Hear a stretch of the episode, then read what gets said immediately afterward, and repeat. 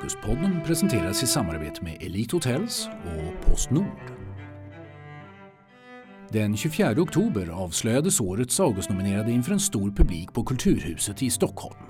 Minuterna efter att de avslöjades intervjuade Tara Moshizi tre av de nominerade författarna och fotograferna om platser i förändring. Hallå på er! Hej. Hej. Välkomna hit!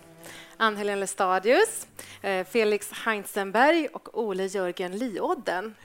Så kul att ha er med. Ann-Helén, du har ju skrivit eh, boken som heter Tio över ett, en ungdomsroman. Och här så får vi träffa Maja. Hon bor i Kiruna. Och eh, varje natt klockan tio över ett, då sätter hon sin väckarklocka. Hon vill vakna utifall att det är så att eh, sprängningarna i Kiruna gör att hela staden rasar samman. Det finns en ständig oro för det. Och I juryns motivering så står det så här. Med driv i språket flätar Lestadier samman plats, politik och psykologi. Kan du berätta lite mer om den platsen som Maja befinner sig på? Ja, jag är ju själv född och uppvuxen i Kiruna så att det var ju helt självklart för mig att jag ville berätta den här historien eh, om hur det känns när ens platser och ens stad förändras och faktiskt också försvinner till viss del. Um, så um, jag tyckte att man pratade så mycket om hus som ska flytta och vägar som ska förändras men inte så mycket om människors känslor. Och Maja, hon är på ett sätt... Um, hon visar mina känslor, för jag är väldigt ledsen och väldigt sorgsen över det som händer i Kiruna. Hur uttrycker det sig i Majas liv? Maja, hon, som sagt, hon ställer klockan. Hon vill vara vaken när de spränger under jord. Eh, och det här liksom, den här paniken växer. Hon tror verkligen att det ska rasa. Eh, men sen är det ju större än så. Det handlar ju faktiskt om mer än, än Kiruna. Det handlar om att behöva förändras, att behöva tvingas till förändringar också. Eh, så att, eh, nej men till slut så når den kulmen, hennes panik. Man kan säga att det är både en människa och en bygd i förändring. Ja, mm. precis så är det. En tonåring i förändring. Felix och Ole Jörgen, ni har skrivit och eh, fotat till boken Arktis, ett liv i en värld av is och snö. Och Arktis är ju också en plats som såklart väcker väldigt mycket känslor som är förknippat med klimatförändringar och politik. Och ni tar oss med till isbjörnens rike. Det är en tuff miljö, vacker förstås, med ett rikt djurliv. Det här är också en av världens sista vildmarker. Och vi får veta exempelvis hur det går till när en silvertärna försvarar sitt bo mot en fjällräv. Bra att veta. Eh, vilken fågel som kan dyka ner till 100 meters djup. Och så hamnar vi i närkontakt med både valrossar och isbjörnar. Och ni har gjort många resor dit ända sedan 90-talet. Vad är det som fascinerar er så med just Arktis? Eh, det, det, är säkert olika saker som fascinerar med Arktis. Alltså dels är det så att det är en miljö som är väldigt svår att, att ha tillgång till eh, och den är väldigt vacker också. Det är väl den kombinationen av, av det här att, att det, det är väldigt få människor som kommer dit och när man väl kommer dit så ser man den här vita världen som, som har väldigt otroliga djur, magiska djur som, som har anpassat sig just till den världen. Och, eh, det är enormt fascinerande att komma dit. Det är en upplevelse. Mm. Och I Ann-Heléns bok Tio över ett skildras ju en panik över att Kiruna ska gå under.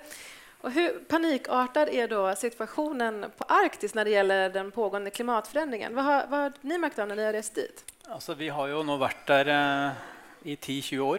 Eh, jag har varit där själv 31 expeditioner. Mm. Och sedan första gången så har vi sett att isbrennen inte bara blir mindre men också träcker sig tillbaka eh, upp till en kilometer. Så det är eh, synliga ting vi ser. Vi ser också att isen där, eh, alltså drivisen där hvor isbjörn och sel lever, blir ju mindre stort sett för hvert år. Eh, och tynnare is. Så det är ting som vi ser nu bara på en 10-15-20 år, så ser vi faktiskt att det ting sker. Men man kan se det med blotta eller? Ja, och speciellt om man då har tagit bilder då för 10-15-20 år sedan och sammanlignar med idag, så kan man lura på här är det något som sker. Mm. Och den här boken den kretsar ju kring eh, den här perioden, det som händer när den arktiska sommaren vaknar till efter en lång, djup, sömnig vinter. Varför är just den här perioden så intressant att skildra? Den är så otroligt fylld av liv. Arktis är en plats där man har väldigt stora kontraster också mellan en extremt kall vinter och eh, sen, sen, när den livslusten kommer tillbaka till våren då, då är det bråttom för alla organismer att, att, att fortplanta sig, att para sig, att hitta någon att, att uh, föda upp sina ungar. Det handlar om, om några få månader och sen, sen stängs den här dörren igen. Och, uh, det, det är väldigt mycket, så, så fort snön smälter undan så ser man att så fort en, en liten markplätt blir snöfri så, så kommer det fåglar och ockuperar den och uh, det går väldigt, väldigt fort. Det handlar väldigt mycket om timing också där. Så man kan säga att det är förändring på två olika håll. Dels att eh, Arktis förändras på grund av klimatförändringarna, men dels också förändringarna som sker mellan årstiderna. Och det som ni har gemensamt då, det är ju just att ni skildrar platser som är i förändring. Anna-Helena, vad skulle du säga är den stora utmaningen med det? Alltså jag, jag tänker mycket på... Jag har pratat med många människor, sådana som har bott i samma lägenhet i 43 år, som tvingas flytta. Eh, och jag tror att det händer någonting med en människa när saker och ting förändras på det här rätt drastiska sättet som det ändå är i Kiruna. Även om det sker under en lång tid så händer det ju någonting med en inuti och så. Eh, och sen så är det ju rent ja, men ekonomiska konsekvenser att behöva lämna sin bostad och så kanske flytta till någonting som kostar mycket mer. Och det, det, finns en massa olika konsekvenser av den här förändringen. Men de känslomässiga upplever jag är störst.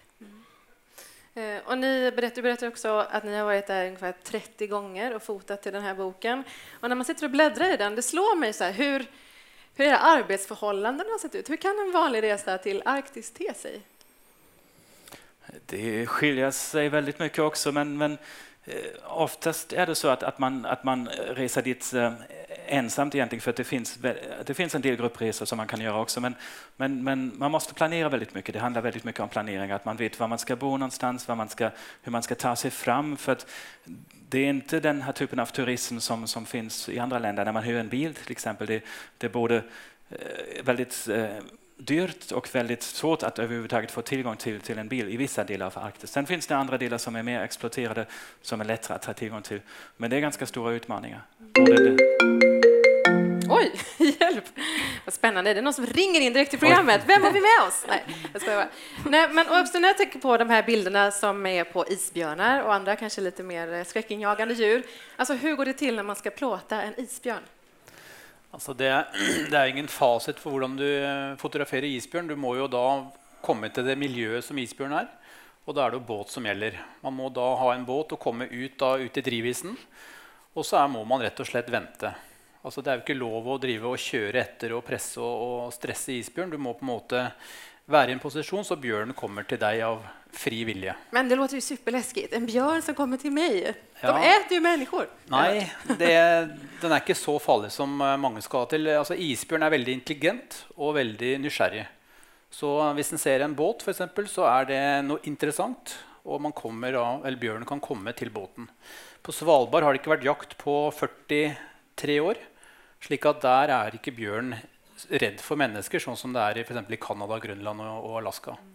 Så eh, veldig ofte så kommer da rett og slett bjørn til oss, og vi får da naturlig atferd og kan på en måte ha en trygg eh, setting på fotograferinga. Vi har, vi har sett isbjörn på, på kanske fem meters håll utifrån en liten gummibåt och eh, då är det så att isbjörnen kommer fram och tittar på en och undrar vad är det för konstig djur som, som sitter där. Och sen när, när den är nöjd med, med den här sätt så, så går den oftast sin väg. Så den där myten Oftast, om, säger du. ja, jag menar, den kan stanna också, den, kan, den nyfikenheten avtar inte direkt. Utan det, det, det, men det, det är väldigt väldigt vänliga djur. Eh, som, som, det, det är sällan det sker någonting. Och, eh, det var skönt att höra, tycker ja. jag. Att det finns en fin relation mellan människa och djur ja, där. Ja. Eh, relationer är ju också ett tema i din bok, eh, Ann-Helén. Eh, det finns ju kärlek och vänskap med i den här berättelsen också, inte bara den här oron. Hur kommer det med in i bilden? Ja, men eh, för Maja då som tvingas flytta, det innebär ju också att hon ska flytta långt ifrån sin vän som, Julia, som hon alltid har bott bredvid. Och sen är hon ju då hemligt förälskad i en hockeykille i Kiruna. Hockeykillar är hårdvaluta i Kiruna. Är det så? Wow. Eh, så eh, det är, ja, det är ju en kärleks, en spirande kärlekshistoria mm. som börjar på en bokklubb. Till och med. Till och med. Eh, vad var det som gjorde att du var sugen på att skildra den här eh, situationen just ur ett barns ögon? Jo, men jag tänker att eh, barn kanske rätt ofta blir bortglömda i sådana här situationer. Alltså man förväntas ju bara hänga med. Nu säger föräldrarna att man ska flytta och nu säger politikerna att vi ska flytta. Men hur känner egentligen barnen inför det? En sista fråga. Jag tänkte att ni skulle få lov att ta med mig på en resa allihopa. En gång till Arktis och så tänkte jag också följa med till Kiruna. Vad skulle ni visa mig när vi kom fram till platsen? Det första, det bästa, det mest fascinerande? Altså, jeg, jeg ville tatt med meg båt langt opp i drivisen. Så skulle du få sitte der foran og så kunne sett isen drive mot deg og kjent den friheten og stillheten. Det er det første jeg ville gjort. Det låter eh, läskigt och lockande på samma gång, men jag skulle gärna följa med på det. Jag skulle nog ta med dig upp på Lossebacken som är slalombacken mitt i Kiruna. Och så hade vi kunnat sitta där och titta ut över gruvan så skulle du se de eh, rätt skrämmande raskanterna och rasområdena som närmar sig Kiruna. Okej, men får jag varm choklad då? Absolut. Då är det helt okej. Hörrni, tack så hemskt mycket för att ni kom hit. Tack. Kul att ha er här. Och grattis! Tack.